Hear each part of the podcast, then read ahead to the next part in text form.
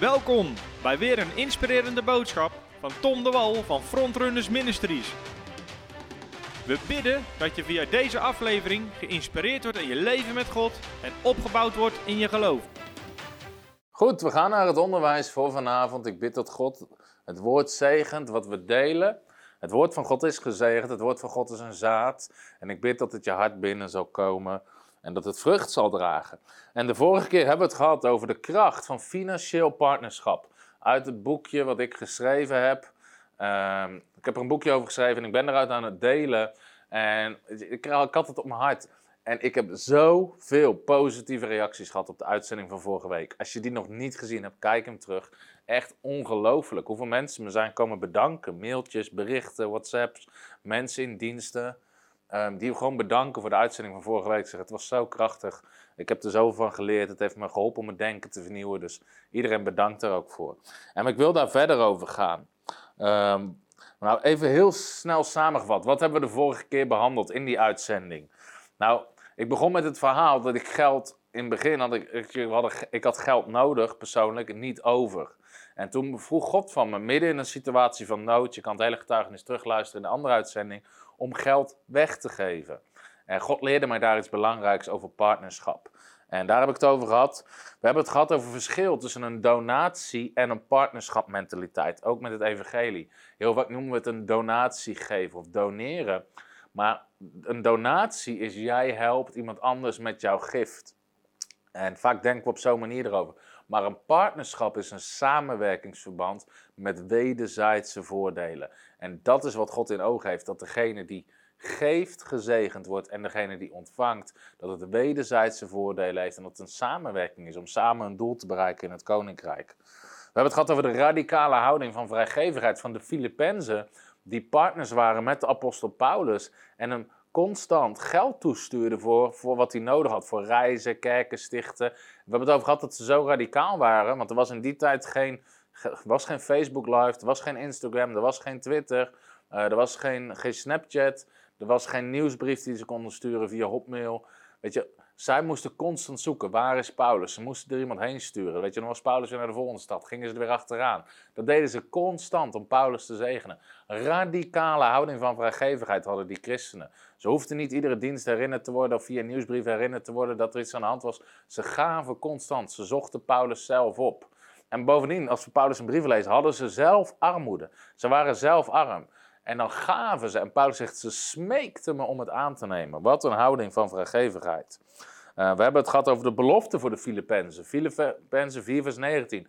Mijn God zal voorzien in alles wat je nodig hebt overeenkomstig zijn rijkdom in heerlijkheid door Christus Jezus. Een belofte gegeven aan partners. Paulus zegt, jullie voorzien mij van wat ik nodig heb. En nu gaat God jullie voorzien in wat je nodig hebt. En dat is altijd mijn gebed voor onze partners. Heer, zegen ze. Doe iets speciaals voor ze. Zegen ze op een bijzondere manier. We hebben het gehad over het Bijbelboek. 3 Johannes, wat geheel over financieel partnerschap gaat. Eén Bijbelboek gaat helemaal over dat onderwerp. Over twee soorten mensen in de gemeente. De ene heette Gaius, de andere heette Diotrephes. En de ene was bediening aan het zegenen en op weg aan het helpen, en de ander werkte het tegen en verbood mensen om dat te doen. En Johannes begint te schrijven om dat te corrigeren. En uh, enorm leerzaam. We hebben gezien dat het evangelie van Lucas en het hele boek Handelingen, de reden dat we het vandaag hebben, is door financieel partnerschap. Omdat Lucas samenwerkte met een partner die zijn boek betaalde en verspreidde. Dus dat hebben we gezien. En uh, Jezus en partnerschap, Lucas hoofdstuk 8. Er was een groep mensen die hem continu uit hun bezit dienden. Dus die financierde de bediening van Jezus. Jezus had partners. Ik kreeg zondagochtend, dat was een enorm goede dienst gehad in het noorden van het land. Ik hou van de Noordkop van Nederland. Maar na de dienst zag iemand het boekje over partnerschap op de boekentafel. En die zei, jij vertrouwt niet op God, jij vertrouwt op mensen. Nou, ten eerste dacht ik, wandel één week met ons mee. En het zweet staat je in de schoenen als je ziet wat voor, wat voor dingen wij God constant vertrouwen. Campagnes in het buitenland, bedragen die binnen moeten komen, mensen die we bereiken. Ten tweede, Jezus had partners. Het is een Bijbels principe. Jezus had partners, Lucas hoofdstuk 8. En Paulus had partners. Dus Filippenzen en ook anderen. En daar hebben we over gelezen. En ik wil deze week verder gaan. Dus dat was even de samenvatting. Ik wil deze week verder gaan met financieel partnerschap, hoe dat in het Oude Testament werkt, enorm interessant. En de juiste mindset die we daaruit kunnen leren, die we dus zien in het Oude Testament. Nou, het eerste wat ik met je wil lezen uit het Oude Testament is het boek Haggai. En het boek Haggai staat niet bovenaan op je leeslijst van de Bijbel. Uh, als je de meeste christenen vraagt, waar gaat het boek Haggai over? Dan zullen ze zeggen, ik heb geen idee. Maar het boek Haggai is trouwens maar een heel klein boekje. Het heeft twee bladzijden en uh, dan is het alweer over. Dus het is een heel klein boekje, uh, maar het gaat over een heel belangrijk onderwerp, namelijk partnerschap, samenwerken met God. Dit was de situatie in het boek, in, in boek Haggai. En nogmaals, we gaan het hebben over de juiste mindset hierover. Dit was de situatie. Het volk Israël heeft in ballingschap gezeten. Dus ze waren weggevoerd uit Israël omdat ze God ongehoorzaam waren. En op een gegeven moment wordt er een groep komt terug in Israël. En dan zegt, wat God verlangt is dat ze eerst de tempel gaan herbouwen. Dat ze eerst zijn huis bouwen. Maar wat doet die groep mensen die terugkomt? Ze beginnen heel druk te bouwen, maar allemaal hun eigen huis. Ze moeten eerst zelf een mooi huis hebben, alles op orde hebben. En terwijl iedereen heel druk aan zijn eigen huis aan het bouwen is, ligt Gods, tempel, Gods tempel daar totaal verwoest. En niemand maakt zich er druk over. En dan komt de profeet Haggai en hij had maar één taak. Die verkeerde mindset bij mensen corrigeren. En ik wil dus een stukje lezen uit Haggai. En dan staat er... Uh, zo spreekt de Heer van de legermachten, Haggai 1 vers 2. Dit volk zegt, de tijd is nog niet gekomen. De tijd om het huis van de Heer te bouwen. Dus al die mensen zeggen, ja, maar het is nog niet de tijd. Het is nog niet de tijd. Weet je, een excuus, zoals veel mensen vandaag de dag ook altijd een excuus hebben om niet mee te bouwen op financieel gebied aan het huis van God. Weet je, nu is niet de tijd, nu komt slecht uit. Weet je, de, een kind, de kinderen gaan net naar de middelbare school of net naar de universiteit. Uh, we hebben net een nieuwe auto nodig. We, hebben net, moeten net op wintersport. Excuses. En deze mensen zeggen ook, joh, de tijd, de tijd om Gods huis te bouwen is er nog niet. Um, toen kwam het woord van de Heer tot de door de dienst van de profeet Haggai. En dit, God begint te spreken en hij zegt, is het voor jullie wel de tijd om in je eigen fraai overdekte huizen te wonen, terwijl dit huis, mijn huis, de tempel, verwoest ligt? Nu dan, zegt de Heer van de legermachten, let aandachtig op je wegen. Jullie zaaien veel, maar je brengt weinig binnen. Jullie eten veel, maar worden nooit verzadigd. Je drinkt veel, maar je wordt nooit dronken. Je kleedt je, maar je wordt niet warm. En en de dagloner ontvangt zijn loon in een doorboorde buidel. Het lijkt alsof het geld altijd van je wegstroomt. Zo zegt de Heere, let aandachtig op uw wegen, ga het gebergte in, haal hout en herbouw mijn huis. Dan zal ik er behagen in scheppen en verheerlijkt worden. U rekent op veel, maar zie, het wordt weinig. Wat u in huis bracht, daar blies ik in. Waarom, spreekt de Heer van de legermachten? Vanwege mijn huis dat verwoest ligt. Terwijl jullie zich allemaal uitsloven voor je eigen huis. Daarom onthoudt de hemel uw dauw en het land zijn opbrengst. Want ik heb droogte uitgeroepen over het land. En ik heb droogte uitgeroepen over de bergen en over de koren, de nieuwe wijn en de olie. En over alles wat het land oplevert. Over de mensen en de dieren en de inspanning van uw handen. Nou, dit is een heftige boodschap die de profeet Haggai moet doorgeven aan de mensen. Maar God zegt, jullie zijn heel druk bezig je eigen huis te bouwen. Weet je, en je maakt het fraai, je maakt het mooi, maar mijn huis ligt in puin. En daardoor ervaar je niet de zegen die je wel kan ervaren. Het land brengt niet op wat het op kan brengen. Weet je, het lijkt of het geld van je afstroomt in plaats van naar je toestroomt. Alsof er altijd tekort is. En hoe kan dat nou? Er lijkt wel droogte te zijn. En dan zegt God: herbouw mijn huis. Zet mijn huis op de eerste plek. En zie of ik niet ga zegenen. En Ehm, dan gaan ze dat doen, want die profeet begint te spreken. En uiteindelijk uh, beginnen ze Gods huis te bouwen. En dan staat er, um, dan staat er dit in Haggai 2, vers 19. Let toch aandachtig op van deze dag en daarna, vanaf de 24e dag van de negende maand, vanaf de dag dat de tempel van de Heere gegrondvest is. Ze hebben Gods huis zijn ze gaan bouwen. Let op wat er gebeurde. Ligt er zaad in de schuur, zelfs tot de wijnstok, de vijgenboom, de granaatappelboom toe en de olijfboom, die geen vrucht gedragen heeft. Die zal ik vanaf deze dag gaan zegenen. Dus vanaf de dag dat ze Gods huis begonnen te bouwen, begon God ze radicaal te zegenen. En dat is dus een heel Bijbelboek uit het Oude Testament wat daarover gaat. Boven het boek Haggai kan je letterlijk zetten Matthäus 6, vers 33. Zoek eerst het koninkrijk van God. Bouw eerst het koninkrijk van God en zijn gerechtigheid. En al het andere zal eraan toegevoegd worden. Dat is ook wat de, wat de profeet Haggai hier zegt. Mensen maken zich druk over hun eigen huis en of zij genoeg hadden. Vandaag de dag, of ze wel een tv hadden, een mooie iPhone, wintersport konden, op vakantie konden, et cetera, et cetera. Terwijl Gods huis maakt zich niet druk om. En God zegt, maak je druk om mijn huis. Misschien heb ik vorige aflevering ook gezegd, sommige mensen kunnen zich, kunnen zich ontzettend ergeren als de meubels versleten zijn thuis, maar kunnen zich er niet aan ergeren als de stoelen in de kerk versleten zijn. Ze kunnen zich er ontzettend aan ergeren als ze in een oude auto moeten rijden, maar ergeren zich er niet aan als de prediker in een oude auto rijdt. En God zegt, zet mijn huis op de eerste plek en zie of ik jou dan niet ga zegenen. En we moeten ons dus druk maken om het huis van God te bouwen. En dan moeten we bedenken, dus God zegt, met mijn zegen, als je mijn huis op de eerste plek zet, kan je veel meer bereiken dan hard werken in eigen kracht. En ik heb vorige uitzending de getuigenis gegeven van, van hoe wij uh, iemand anders die zijn auto kapot had gereden, een voorganger, weet je, terwijl we zelf aan het sparen waren voor een auto, weet je, dat we al ons spaargeld hadden weggegeven, zodat die anderen een auto konden kopen. En vervolgens zegent ons iemand met een auto die we zelf nooit hadden kunnen betalen. Weet je, we hadden eerst God, eerst Gods huis, eerst de ander. En vervolgens zegt God, kijk maar wat ik daarna ga doen. En dat is de juiste mindset die we kunnen leren uit Haggai. En daarom zeg ik altijd, God is een beloner, geen berover. Hebreeën 11 vers 6. Weet je, God is een beloner, zegt het letterlijk. Wie tot God komt, moet geloven dat Hij is en dat Hij een beloner is. God is geen berover. Als God iets van je vraagt om zijn koninkrijk op de eerste plek te zetten, is het nooit om je te beroven, iets van je af te nemen. Het is om je te belonen. Kijk wat Jezus zegt in Matthäus 6, vers 1. Wees op uw hoede dat u uw liefdegaven niet geeft in de tegenwoordigheid van mensen om door hen gezien te worden. Weet je, je geeft niet om door mensen gezien te worden. Ik vertel dit getuigenis nu van de auto, omdat het getuigenis is rond. Uh, maar toen we het gegeven hadden, we hebben niemand opgebeld, we hebben het niet gezegd, we hebben het tegen niemand gezegd. Weet je, je geeft niet zodat mensen zeggen, oh goed gedaan. Want dan, zegt de, dan heb je je beloning al. Dat is namelijk de eer van mensen.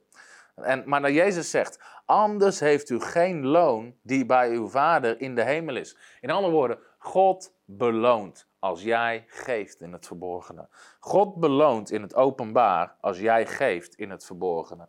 God beloont in het openbaar als jij geeft in het verborgene. En dat is partnerschap. Het is Gods huis bouwen. Vorige uitzending hebben we het gehad over Romeinen hoofdstuk 10.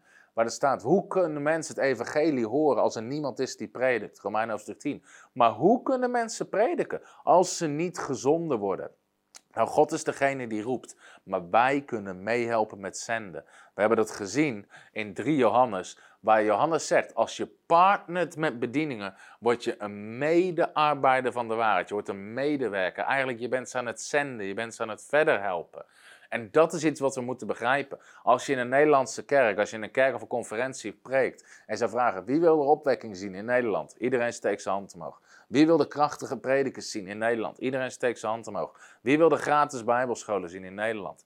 Iedereen steekt zijn hand omhoog. Wie wil de worship night zien? Iedereen. Wie wil zien dat Nederlanders de, de wereld overgaan om, om zielen te winnen, om mensen te onderwijzen, te trainen in het koninkrijk? Iedereen steekt zijn hand omhoog. Wie wil dat er meer kerken geplant worden? Iedereen steekt zijn hand omhoog. Wie wil de partner worden van de bediening? Weet je, in één keer is de reactie valt weg.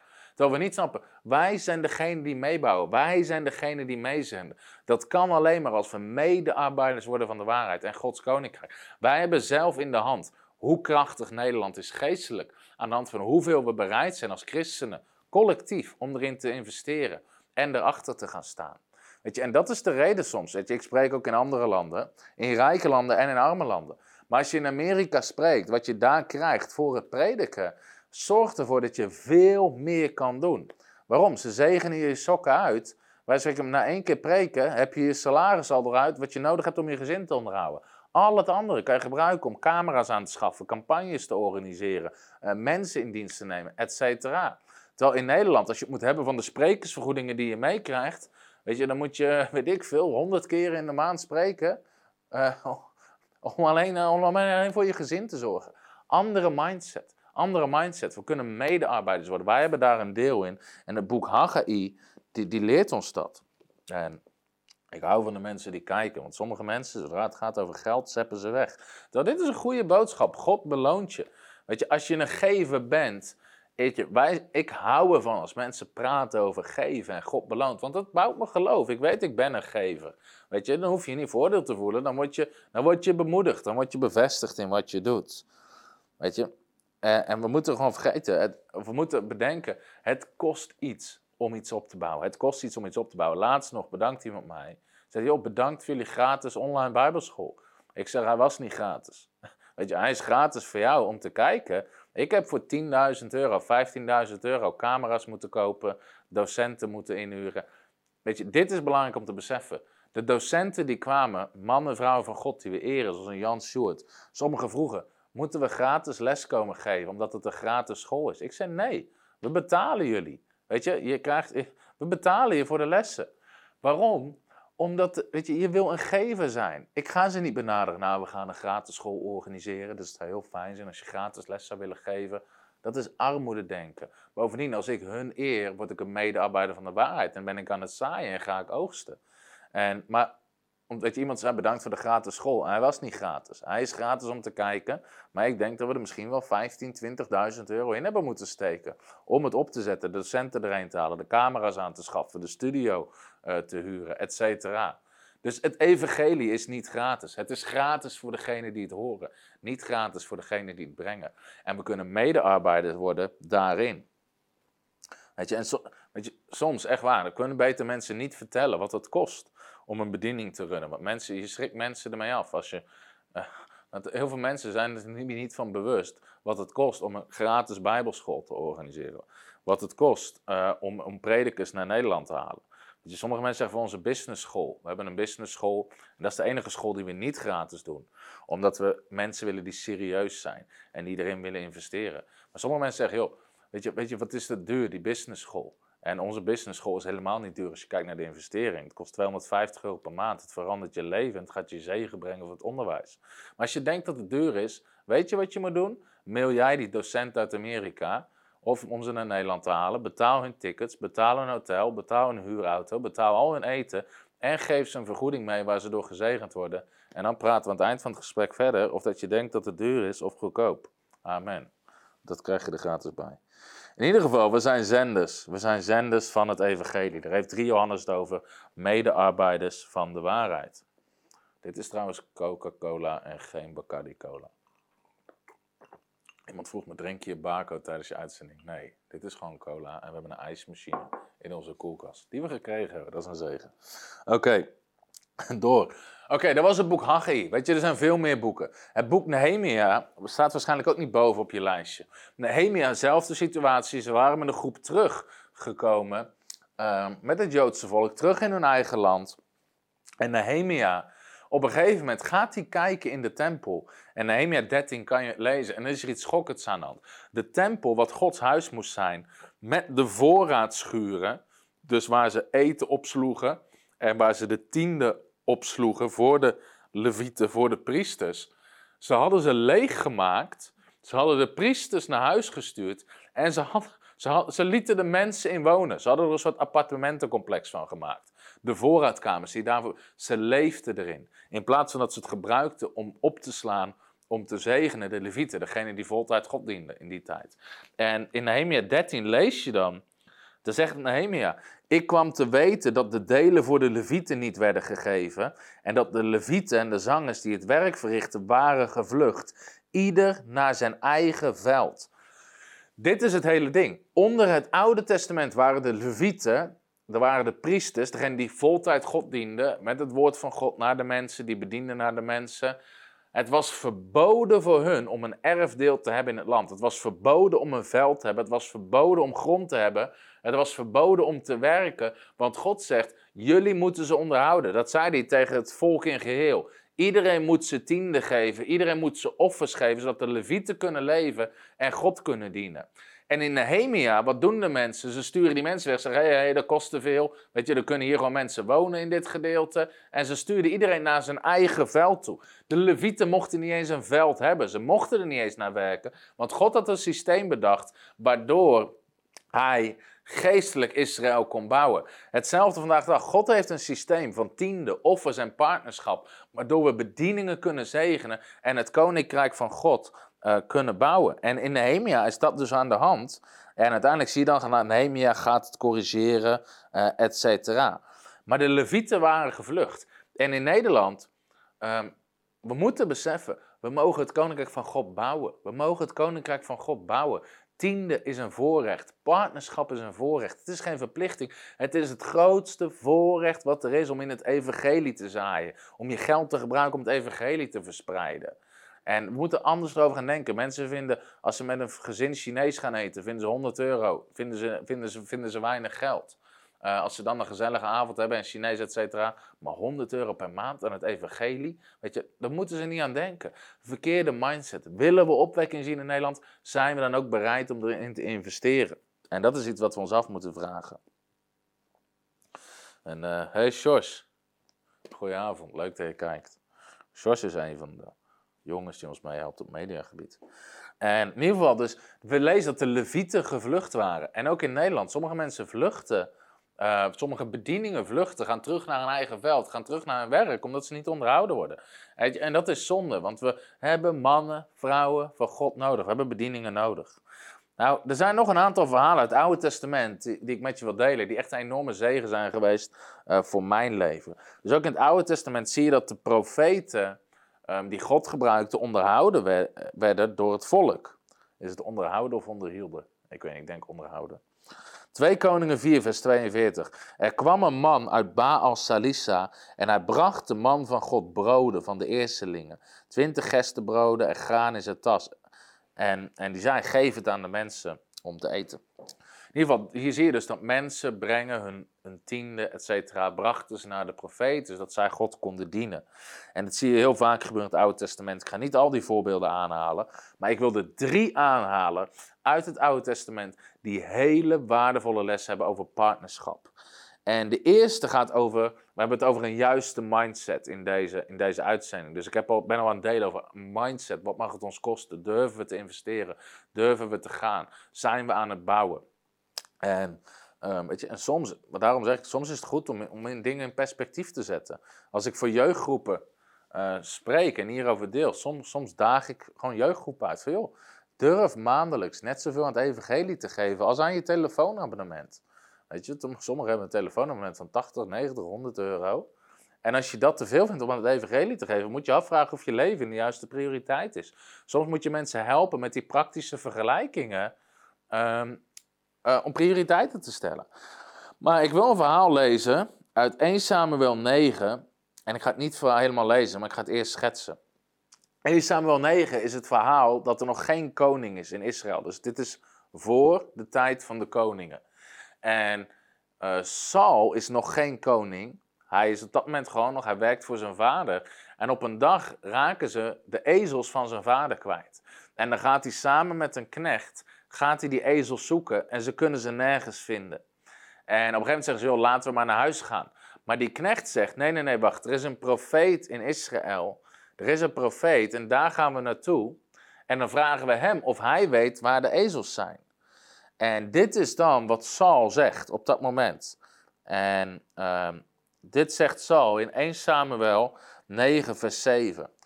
Toen zei Saul tegen zijn knecht: Maar zie, als wij gaan naar die profeet, wat zullen wij dan voor hem meebrengen?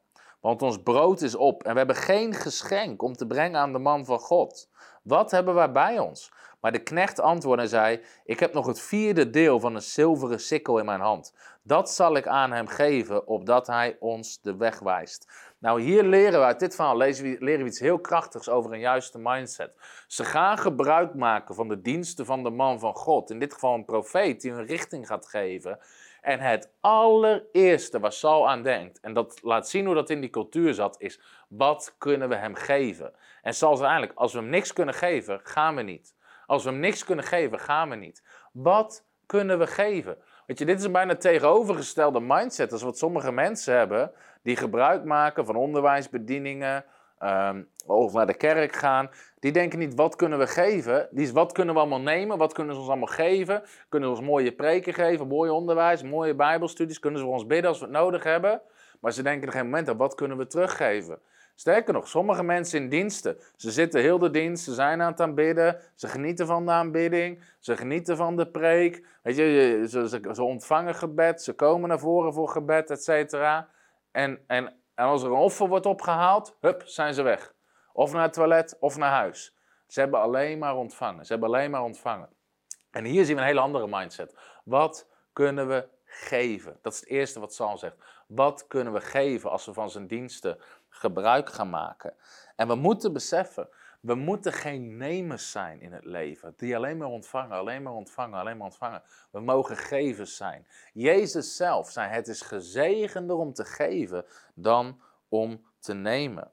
En en daarom is het een andere mindset als mensen het hebben over tiende en, en offers en partnerschap als verplichting. ik denk, verplichting, het is een voorrecht. Het is een manier om gezegend te worden. Je zegent een ander en God zegent jou. En dat is de manier waarop het werkt. Jezus zegt in Matthäus 6, vers 21, als hij spreekt over geld, dan zegt hij dit. Matthäus 6, vers 21. En ik kan hem voor je voorlezen, zodat je weet dat ik het niet verzin. Want dit laat even een hele andere mindset zien. Matthäus 6, vers 21. Daar zegt Jezus: Verzamel geen schatten uh, op aarde, verzamel ze in de hemel. Uh, want waar uw schat is, daar zal ook uw hart zijn. Waar uw schat is, daar zal ook uw hart zijn. Nou, dit is belangrijk, want heel veel christenen denken hier andersom over. Zij denken, waar mijn hart is, daar zal mijn schat zijn. Dus in andere woorden, als ik veel van God hou, als ik veel van zijn koninkrijk hou, stop ik daar vanzelf mijn schat, stop ik daar vanzelf iets van mijn vermogen in. Maar blijkbaar is dat niet zo, want Jezus draait het om. Hij zegt: nee, waar jouw schat is, daar is je hart. Daar is echt je hart. En om, als je kijkt naar de mensen, als je kijkt naar iemand zijn bankrekening, kan je zien wie ze dienen. Kan je zien of ze van God houden. Want Jezus zegt, waar je schat is, daar is je hart. Dus als je naar iemand zijn bankrekening kijkt en er gaat geld naar de supermarkt, er gaat geld naar de Chinees, er gaat geld naar de frietboer, er gaat geld naar de voetbalvereniging, er gaat geld naar de sportzaak, er gaat geld naar de kledingwinkel, uh, er gaat geld naar Netflix, er gaat geld naar een tv-abonnement. Uh, weet je, er gaat geld, ze hebben misschien een abonnement op het zwembad of op de bioscoop. Weet je, er gaat geld hierin, er gaat geld naar een auto, er gaat geld naar, weet je. En als, weet je, hoeveel daarvan gaat er naar het koninkrijk? Of als mensen kijken naar je bankafschrift, kunnen ze zeggen: hé, hey, er gaat geld naar het koninkrijk. Weet je, ze steunen die prediker, ze steunen die bediening. Nogmaals, al die andere dingen zijn niet fout. Het is niet fout om een abonnement te hebben op het, op het zwembad. Graag zelfs. Weet je. Het is goed om te sporten, om naar de voetbalvereniging te gaan, om Chinees te eten. Halleluja, ik hou van Chinees. Mijn favoriete eten eigenlijk. Uh, al die dingen zijn niet fout. Maar Jezus zegt: waar je schat is, daar zal je hart zijn. In andere woorden, als iemand zijn bankrekening kijkt, zijn afschriften kijkt. Jezus zegt: kan je zien of dat hij van God houdt. Want waar jouw schat is, daar is je hart. En niet andersom. Waar je hart is, daar is je schat. En hier zit een heel belangrijk principe in. En uh, waar ik iets over wil delen. Namelijk waar jij investeert, daar ga je van houden. En dit is misschien een vraag. Dit is misschien iets waar je over na moet denken. Heb je er wel eens over nagedacht? Weet je, sinds dat ik, sinds dat ik vader ben geworden. Uh, en ik denk dat veel van jullie dat herkennen dat sinds dat je zelf kinderen hebt, dat je in één keer beseft, weet je, hoeveel je van je kind houdt, automatisch. Dat kind heeft nooit iets gedaan voor jou. Ik bedoel, dat wordt daar geboren en het vraagt alleen maar dingen van je. Weet je, het is, het is niet zo dat ze eruit komen en je huis beginnen te stofzuigen. Van bedankt dat ik geboren ben. In ieder geval die van ons niet. En als ik tot nu toe nog iets verkeerd heb gedaan in de opvoeding, hou ik, hoor ik het graag van je. Maar Weet je, zo'n kindje wordt geboren en je moet het alleen maar geven. Weet je, het huilt eerst, dus je moet het troosten, je moet het schoonmaken. Het kindje krijgt eten, het kindje krijgt, uh, krijgt kleding. En, en weet je, je, je stopt het in bad en je maakt een warme kruik. En, je, en je gaat er vijf keer per nacht uit, want dan moet hij weer huilen en dan troost je hem weer. Weet je, en op worden ze oud, maar je geeft ze en je geeft ze en je geeft ze en je geeft ze. En op een gegeven moment kom je erachter, is het niet raar dat ouders meer van hun kinderen houden vaak dan kinderen van hun ouders. En, en nogmaals, begrijp me goed, ik ook. Ik hou zielsveel van mijn ouders. Maar als je in één keer beseft hoeveel je houdt van je kind en dat je alles over hebt voor je kind. Weet je wel, al begint hij midden in de nacht te huilen, al, het maakt niet uit wat er is. Je doet het. Maar op een gegeven moment denk je van, wacht eens. Ouders houden meer van hun kinderen dan kinderen van hun ouders vaak. En waarom is dat? Omdat ouders geven, investeren. Alles waar je in investeert, ga je van houden. En sterker nog, het is bewezen dat omdat je zoveel doet, ehm, in het algemeen, als je iets doet voor een ander, creëer je soms een schuldgevoel waardoor iemand anders zich of automatisch verder van je afzet. Omdat ze het idee hebben, het wordt bijna een schuld die je niet kan vereffenen, wat in het onbewuste uh, een afstand creëert. En als je iets doet voor een ander, ga je van diegene houden. Ik hoorde, ik zat dit hierop te mediteren en toen hoorde ik het verhaal van een, een, rechter, dus je moest beslissen in een rechtszaak, die ging met de bus naar die zaak toe. En, uh, en het regende heel hard. En bij het busstation komt een andere man aanlopen. En hij geeft zijn paraplu en zijn jas aan die man, om die man droog te houden. En uiteindelijk, nou goed, dus, dus op een gegeven moment de bus komt, hij krijgt het terug. hij, gaat die, hij gaat die zaak voorbereiden, hij zit in die zaak.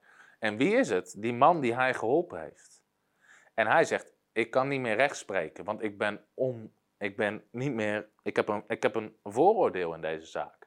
En andere mensen zeiden, ja, hallo, kom nou eens. Jij hebt iets voor die man gedaan, die man heeft niks voor jou gedaan. Je, maar omdat hij iets voor die man had gedaan, wat hij van zichzelf opofferde, was hij van die man gaan houden. Op een bepaalde manier. Snap je wat ik bedoel? En, en dus alles waar jij in investeert, overal waar jij je schat stopt, daar gaat je hart automatisch achteraan. Hetzelfde dus met kinderen en hun ouders.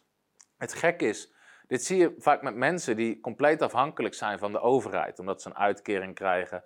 Sowieso in Nederland, je krijgt van alles van de overheid. Uitkering, uh, huurtoeslag, zorgtoeslag, kindertoeslag, uh, overal toeslagen voor.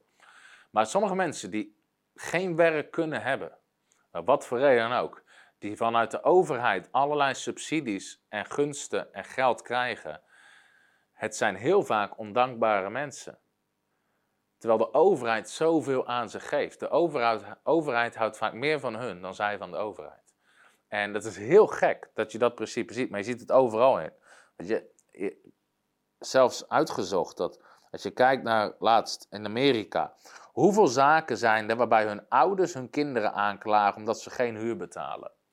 Nul. Hoeveel zaken, was in één staat, zijn er van kinderen die hun ouders aanklagen omdat ze geen huur betalen? Elf.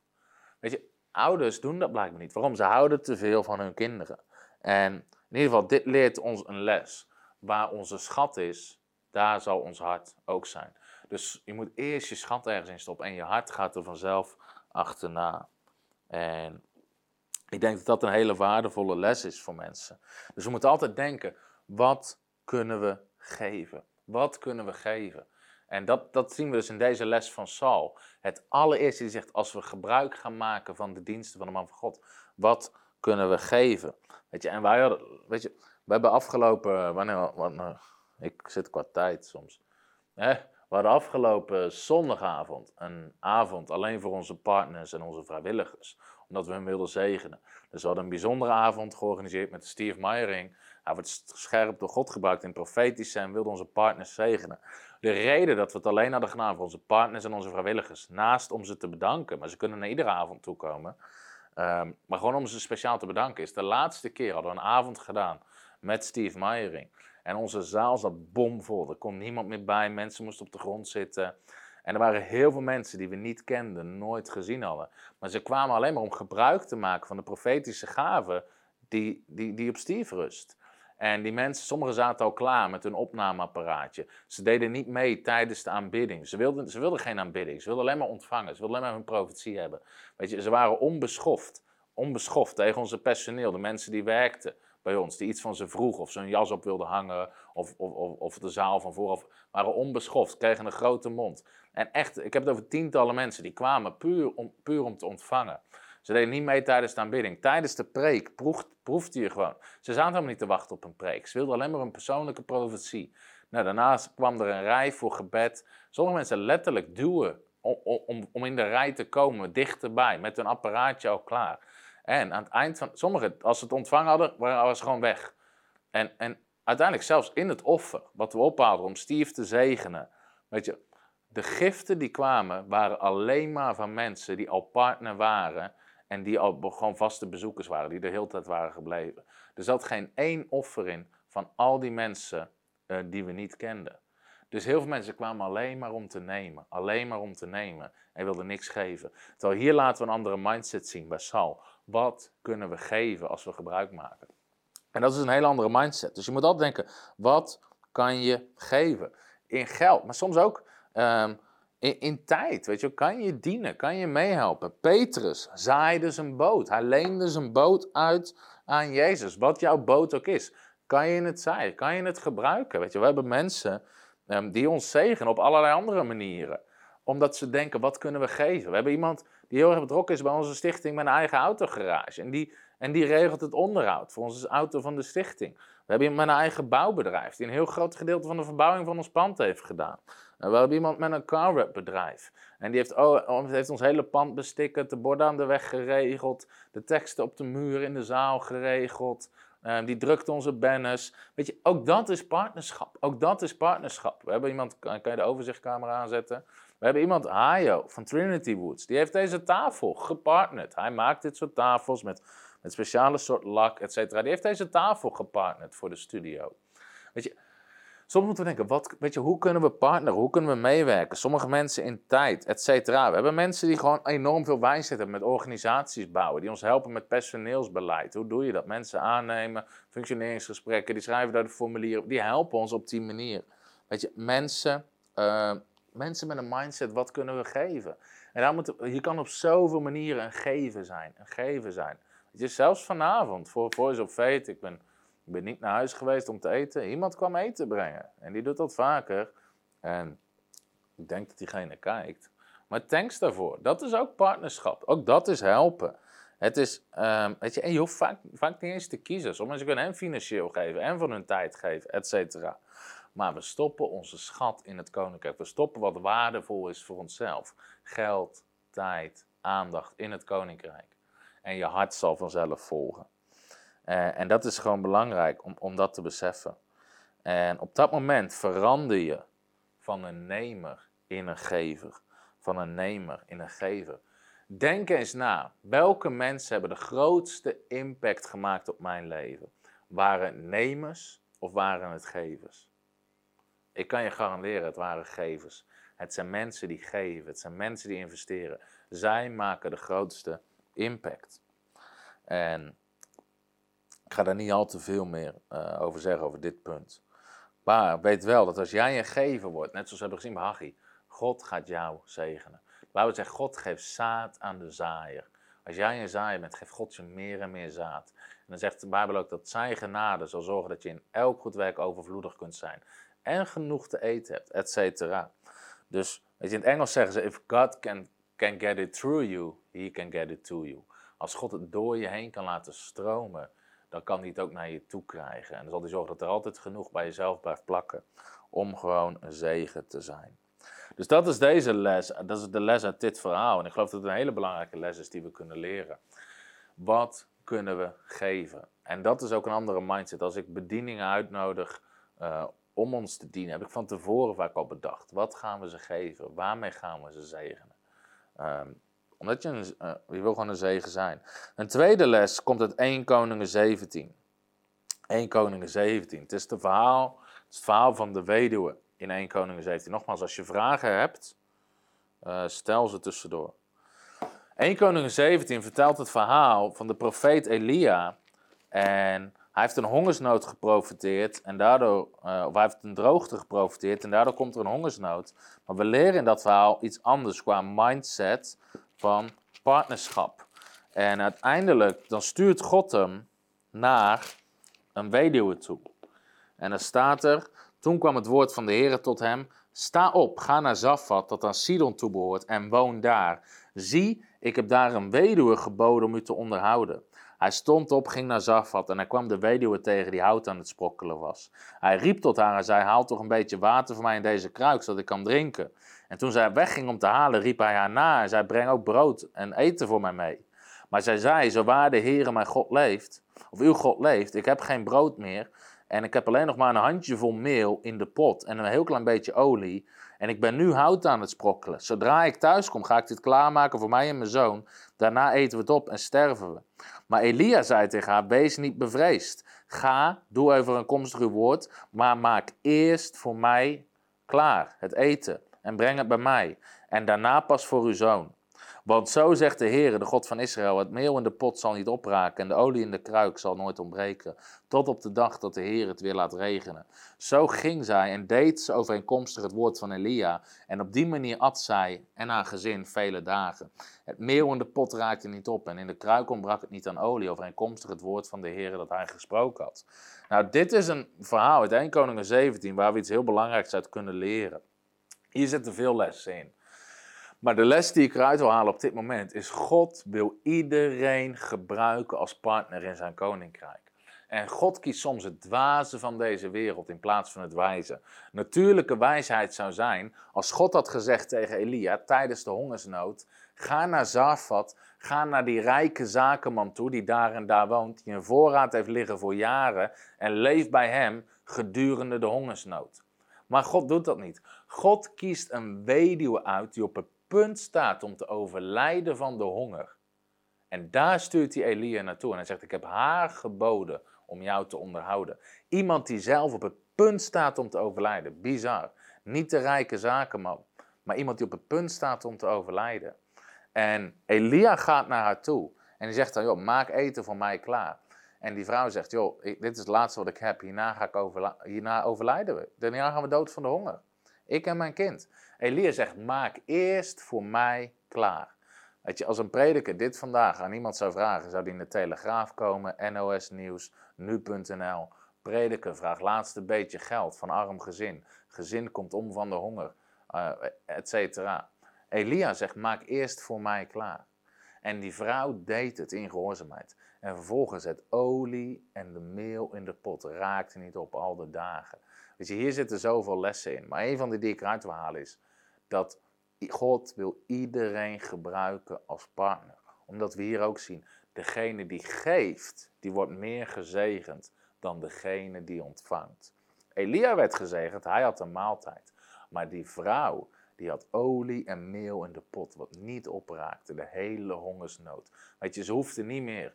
En dit vind ik het mooi aan God, daarvoor moest ze schrapen vanuit de bodem om het laatste beetje te krijgen. Maar het raakte niet meer op. Ze hoefde niet meer te schrapen. Ze kon van de top van het vat pakken wat ze nodig had. Weet je, maar God wil iedereen gebruiken. Ook de, er zijn wat dat betreft geen excuses. Er zijn geen excuses. Sterker nog, God koos expres niet die rijke zakenman. Want die vrouw had de zegen nodig. Zij had de zegen nodig, maar ze moest eerst een zaaier worden. Die vrouw had ook een keus. Ze kon ook zeggen: nee, ik doe het niet. Ik eet dit op.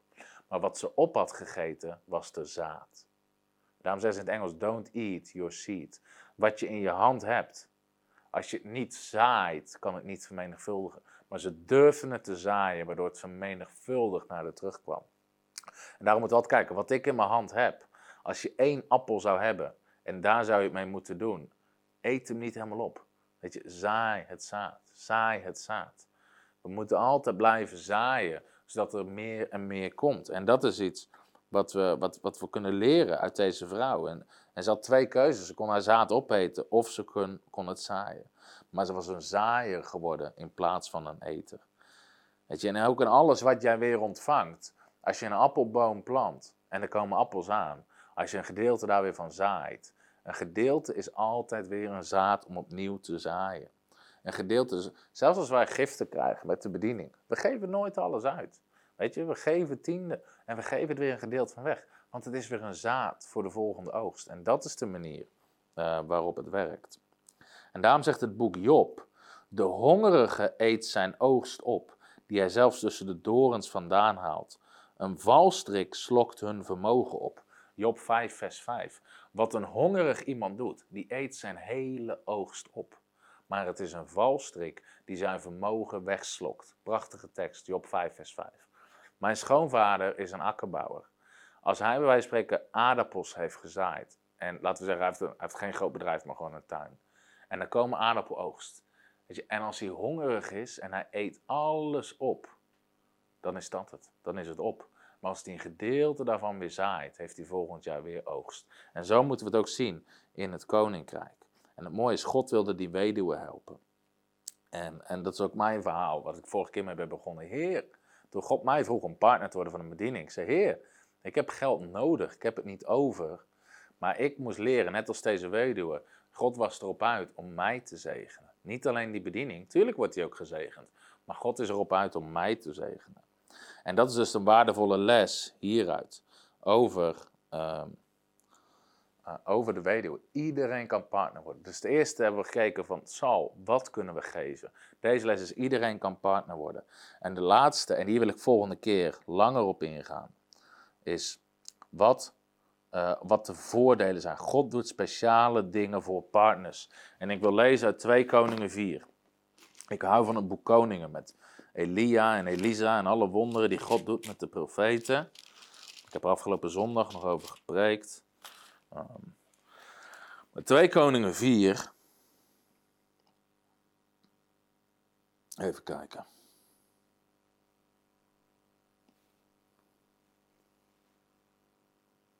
2 Koningen 4 vanaf vers 8. En dit is echt een krachtig verhaal. Het gebeurde op een dag dat Elisa langs Sunem kwam, dat daar een vrouw van aanzien was, die bij hem op aandrong de maaltijd te komen gebruiken. Zie je? Die vrouw begint te partneren. Elisa komt langs, ze dringt erop aan. Kom, ik zorg voor je eten op deze reis. Zo dikwijls als hij daar langs kwam, gebeurde het. Dus iedere keer als hij op reis was, ging hij langs die vrouw en die zorgde voor eten. Maar dat was voor die vrouw niet eens genoeg. Dus op een zegt ze, ze zei tegen haar man, vers 9, 2 Koningen 4 vers 9, ik heb gemerkt dat de man van God die langskomt bij ons heilig is. Laten we toch een deel bij ons huis van steen bijbouwen en daar een bed, een tafel, een stoel en een kandelaar voor hem neerzetten, zodat als hij bij ons is, hij zich kan terugtrekken. En het gebeurde op een dag dat hij zich terugtrok in dat bovenvertrek. Dus ze gingen een deel aan hun huis bijbouwen, zodat uh, uh, Elisa daar gewoon kon wonen als hij er langskwam en gebruik kon maken van, van dat bovenvertrek en van hun eten. En toen riep hij tegen zijn knecht Gehazi en hij zei, roep deze vrouw uit Sunem bij mij. En toen hij haar geroepen had, ging zij voor hem staan. Hij had namelijk tegen hem gezegd, zeg nu tegen haar, zie, u hebt veel zorg aan ons besteed, wat kan men voor u doen? Kan ik tot de koning spreken of tot een bevelhebber van het leger? Maar ze had gezegd, ik woon te midden van mijn volk. Dus ik, toen hij had haar gezegd, wat kan men voor haar doen? En Gehazi zei, ze heeft helaas geen zoon. En daarop zei roep haar. En eh, toen hij haar teruggeroepen had, ging hij in de deuropening staan en zei, op de vastgestelde tijd over een jaar zult u een zoon hebben. Dit is interessant. Die vrouw die besluit te partneren met Elisa. Eerst geeft ze hem altijd eten en vervolgens zegt ze zelfs: We gaan een deel aan, een huis, aan ons huis bijbouwen, zodat hij daar gewoon kan wonen. Weet je, dit was een grote gift. Ik weet niet of je weet wat het kost om een deel, om een verbouwing bij je huis. Weet je, wij zijn thuis aan het kijken alleen al of we onze zolder, of we daar een kamertje van kunnen maken. Door een dakkapel en het dak iets beter isoleren, zodat we gewoon een kamer erbij hebben. Weet je, als je alleen al kijkt wat dat kost, uh, weet je, ben je duizenden euro's kwijt om dat te regelen. Maar deze vrouw, die bouwt een heel gedeelte bij. Ik weet niet wat het kost, maar ik denk dat je minimaal 20.000 euro kwijt bent om een deel aan je huis gewoon bij te bouwen. Ze deed het goed, ze deed het van steen, ze deed het niet van hout. Ze meubileerden het, ze zetten er lampen in, stoelen in en een bed in. Gewoon, hij kon er gewoon wonen. En wat zegt Elisa? Zegt, wat kan God voor jou doen? Wat kunnen we voor jou doen? Hij begint haar te zegenen, omdat ze partner is geworden. En dat is een belangrijke les. God doet bijzondere dingen voor partners. 2 Koningen 4, vers 17. God doet bijzondere dingen voor partners. Elisa vroeg, weet je, dit is belangrijk. Elisa deed dit, hij zegt letterlijk, omdat ze zoveel voor ons doet ging God iets speciaals doen voor haar. Elisa riep niet door Israël: Hé, hey, wat kan God voor jou doen? Kan God nog iets voor jou doen? Hey, heb jij nog iets nodig van de Heer? Hij vroeg dat aan niemand, behalve aan degene, blijkbaar die hem zegende. En God deed een bijzonder wonder. Ze kon nooit geen kinderen krijgen. Maar door haar partnerschap zetten ze het zegen en het wonder vrij. En dat is een belangrijke les. God beloont partners. God zegent partners. En er zijn zoveel verhalen. Ik sprak een hele tijd geleden in een kerk in, uh, in het midden van het land. En na de, na de preek, mensen waren bediend, mensen waren gezegend, ehm, haalden we een offer op. En weet je, altijd heel simpel. Geef wat God van je vraagt om te geven. Dat is altijd wat ik zeg. Geef aan God van je vraagt. Vraag hem, Heer, wat kan ik geven? Is, dat is één maatstaf. Ten tweede, geef iets wat God eert. En dat staat in Spreuken 3, vers 9. Eer de Heer met je bezit. En dat betekent dat als je heel veel geld hebt, dat 5 euro eert God niet. Maar als je weinig geld hebt, kan 5 euro God eren. Geef iets wat God eer geeft. Wat God, uh, waar jij God mee kan eren, wat waardevol is.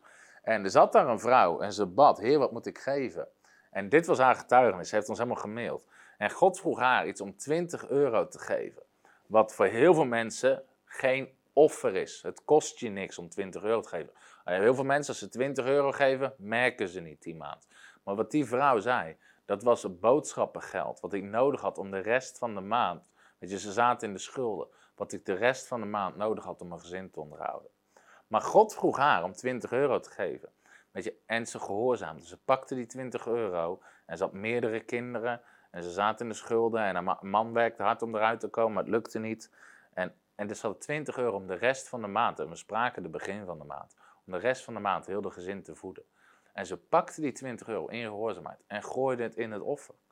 En ze stuurde ons getuigenis. Sinds dat ik dat deed, ik kreeg appjes van mensen, telefoontjes van mensen. Iemand betaalde een deel van onze schulden af. We kregen geld. Mijn man werd gezegend in zijn werk. Binnen zes weken of binnen een maand waren ze uit de schulden. Ze hadden duizend euro schuld. En gingen ze van niet genoeg te eten naar genoeg te eten. Weet je, alleen God kan dat doen. Alleen God kan dat doen. God doet bijzondere dingen voor mensen die partneren met evangelie. God doet bijzondere dingen voor mensen die een zegen kunnen zijn. Maar het begint met de juiste mindset. En de volgende keer wil ik hier dieper op ingaan. En dan ga ik verschillende voordelen met je delen die financieel partnerschap heeft. Maar deze keer hebben we het gehad over de juiste mindset. Wat kunnen we geven? Hoe kunnen we bouwen? Hoe kunnen we zenden? Um, God kan iedereen gebruiken als partner. En God doet speciale dingen voor partners. En de volgende keer wil ik daar dieper op ingaan. En waar ik mee af wil sluiten is, als je geen partner bent van frontrunners, weet je, ik wil je uitnodigen om partner te worden. We staan in geloof voor 250, daar stonden we voor in geloof, het zijn er nu iets minder. We staan in geloof voor ongeveer 250 extra maandelijkse partners. We zijn bezig om nog twee mensen aan te nemen voor onze bediening. Iemand die evenementen gaat organiseren. Al onze conferenties zitten inmiddels zoveel werk in. Ehm, en iemand die onze Bijbelschool gaat beheren. Het gave is als je hierin partnert, de Bijbel zegt, je krijgt deel aan de vrucht. Dus als je partnert, als je ons helpt om mensen aan te nemen, om Bijbelschool te beheren en eh, conferenties en campagnes te organiseren. Jij hebt deel aan die vrucht. Alle honderden mensen die gezegd door onze conferenties. Het komt ook op jouw vrucht te staan. Later in de hemel krijg je daar een beloning voor. Weet je, dan heb je daaraan meegewerkt. Je bent een medearbeider geworden. De mensen die tot geloof komen. Volgende maand zitten we weer in Afrika uh, om mensen te bereiken. Weet je, dit wordt mede deel van jouw vrucht. Als je partner wil worden van Frontrunners, klik op de link naast of onder deze video. Of ga naar frontrunnersministries.nl slash partner. Weet je, en word partner. Uh, op maandelijkse basis. Help ons om het Koninkrijk van God te bouwen, te verspreiden in Nederland. Weet je, we hebben grote plannen. We willen nog vier Bijbelscholen starten. We willen nog meer mensen bereiken. We willen nog meer onderwijs verspreiden.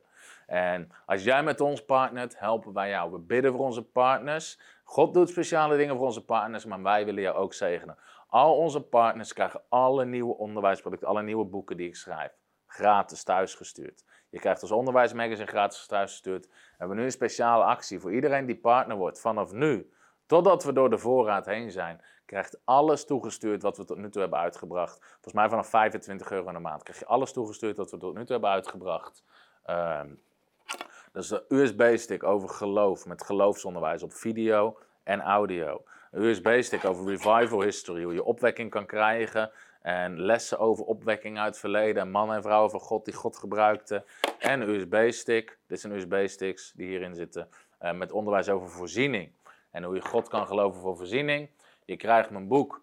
Uh, eh, 50 redenen om te spreken in tongentaal, wat een enorme zegen zal zijn. En de kracht van financieel partnerschap, wat al dit onderwijs nog verder heeft uitgewerkt. Want als je met ons partnert en zolang de voorraad strekt, dus alles is zolang de voorraad strekt. We hadden ook een USB over genezing, die is inmiddels op.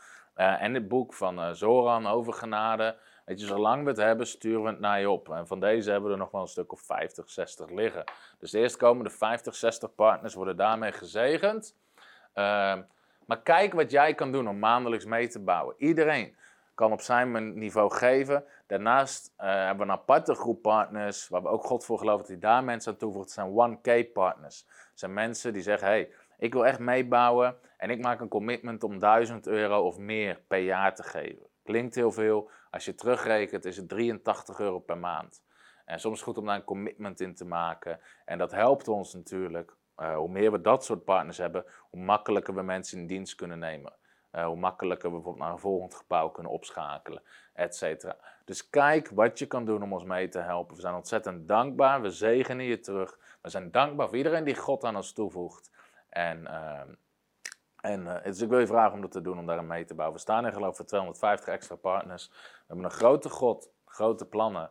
En we willen Nederland veranderd zien onder het evangelie van Jezus Christus. Dus als je ons daarmee wil helpen, zijn we enorm dankbaar. Sowieso bedankt dat je deze uitzending hebt gekeken. We bidden gewoon dat, dat het een blessing is. We doen deze uitzendingen niet zodat we meer partners krijgen. We doen de partner oproepen naar meer uitzendingen. Maar we willen je gewoon zegenen ook met het onderwijs wat God ons heeft gegeven. Um, en uh, weet je, we doen altijd series, dus we willen nog series over de Heilige Geest, over opwekking, al die dingen komen eraan. Uh, maar nu hebben we nog één aflevering hierna over vijf voordelen die partnerschap jou gaat brengen. Dus dat doen we volgende week. God zegen. Uh, bedankt voor het kijken. Volgens mij zijn er geen vragen meer. Ik heb geen vragen gezien. Dus bedankt voor het kijken. Abonneer je op ons YouTube kanaal en op ons Spotify. Tot de volgende keer. Amen. Hallo, Tom de Wol hier en bedankt dat je weer geluisterd hebt naar onze podcast. Ik bid dat het je geloof gebouwd heeft en je bemoedigd bent. Als je niet alleen een luisteraar van onze boodschap wil zijn, maar ook een verspreider daarvan, wil ik je uitnodigen om partner te worden van Frontrunners. Door jouw maandelijkse donatie help je ons om dit evangelie van Jezus Christus en het woord van God over heel de aarde te brengen.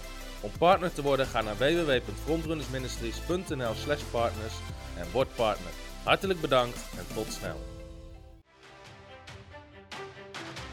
Heb je ook zo genoten van deze inspirerende boodschap van Tom de Wal? Abonneer je dan op deze podcast. Volg ons op Facebook en op Instagram en kijk op onze website frontrunnersministries.nl.